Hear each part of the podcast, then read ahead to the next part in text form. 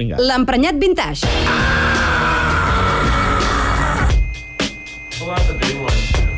Amb Ricard Martín.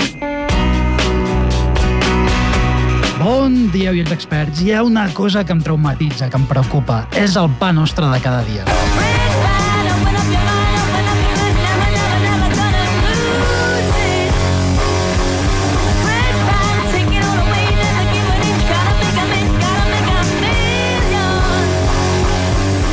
Bread Fan de l'oblidadíssima banda de hard rock Budgie, que encara em posa com una moto. És una cançó que parla d'un tema que fa 40 anys es portava molt. El dilema moral de si voler fer calés a qualsevol preu és lícit o no. Un dilema que avui ja no importa. I aquesta dicotomia no té aquelles fleques cafeteries amb nom religiós i que venen varietats de pa com és el pa runner, que es veu que va molt bé per anar a fer footing. Com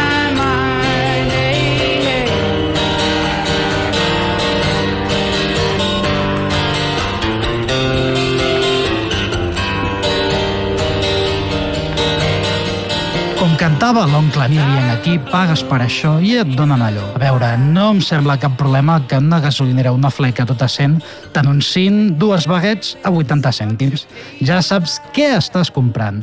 Massa congelada amb poques hores de fermentació feta pujar amb química i coses artificials.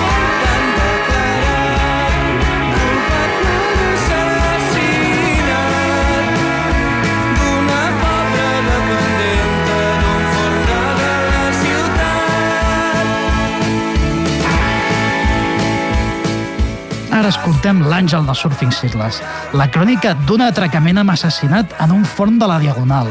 Ara bé, allò més sagnant és que una cutre fleca bar et vengui un pa de pagès que de fet és la mesura del que ha de ser un bon pa, si us agrada, tot just 10 cèntims més barat que una fleca artesana de debò. Sabent, esclar, que en el forn cafè de nom gloriós et col·loquen el mateix pa de massa congelada que la gasolinera, lleugerament millorat. Hay un hombre en España que lo hace todo. Hay un hombre que lo hace todo en España. Es el que escribe las canciones de la radio, el que te sirve las copas, el que te vende el diario. Hay un hombre en España que lo hace todo. I us donaré una petita decepció. Totes aquelles fleques que aboquen els forns antics, els molins de l'avi, heu de saber que són totes de la mateixa marca de menjar ràpid i escalfen totes la mateixa massa de pa congelat. Fa 10 anys, en ple esclat de la crisi, va passar un procés curiós. Van sorgir establiments de pa real, pa ben fet, fleques i forneries que han arribat a tenir capacitat per fer una producció massiva. Estic parlant de llocs com Torres i Baluart. I fleques de tota la vida van fer servir la tecnologia per tornar a fer un pa millor. Però quatre anys després...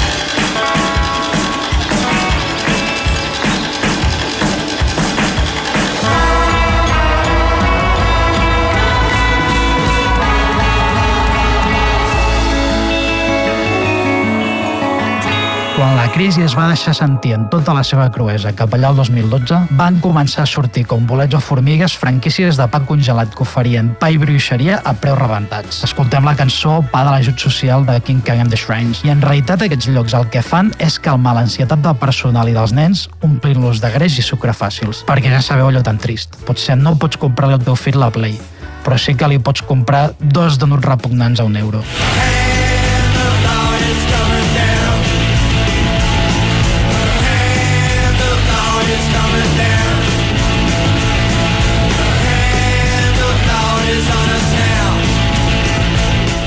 Jo estic esperant, com canta Radio Birman, que caigui la mà de la llei amb tot el seu pes. És a dir, que s'aprovi el decret del pa que farà que només es pugui dir és integral si ho és de debò. I en quina mesura ho és. I reitero, no tinc cap mena de mania al pa industrial. Però és important que s'acabi la mandanga de posar el cartellet de partesà el que surt d'una planta industrial que fabrica mig milió de barres cada dia.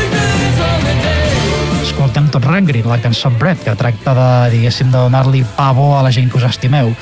I ara, si jo fos els de Ciutadans, agafaria el bus antindult per demanar l'amnistia fiscal per la vagantina catalana, que va fer fallida definitiva l'altre dia. Era l'exemple vivent del que no s'havia de fer amb el pa sota cap concepte. Aquells paninis de xòper nuclear sobre baguets mig congelades.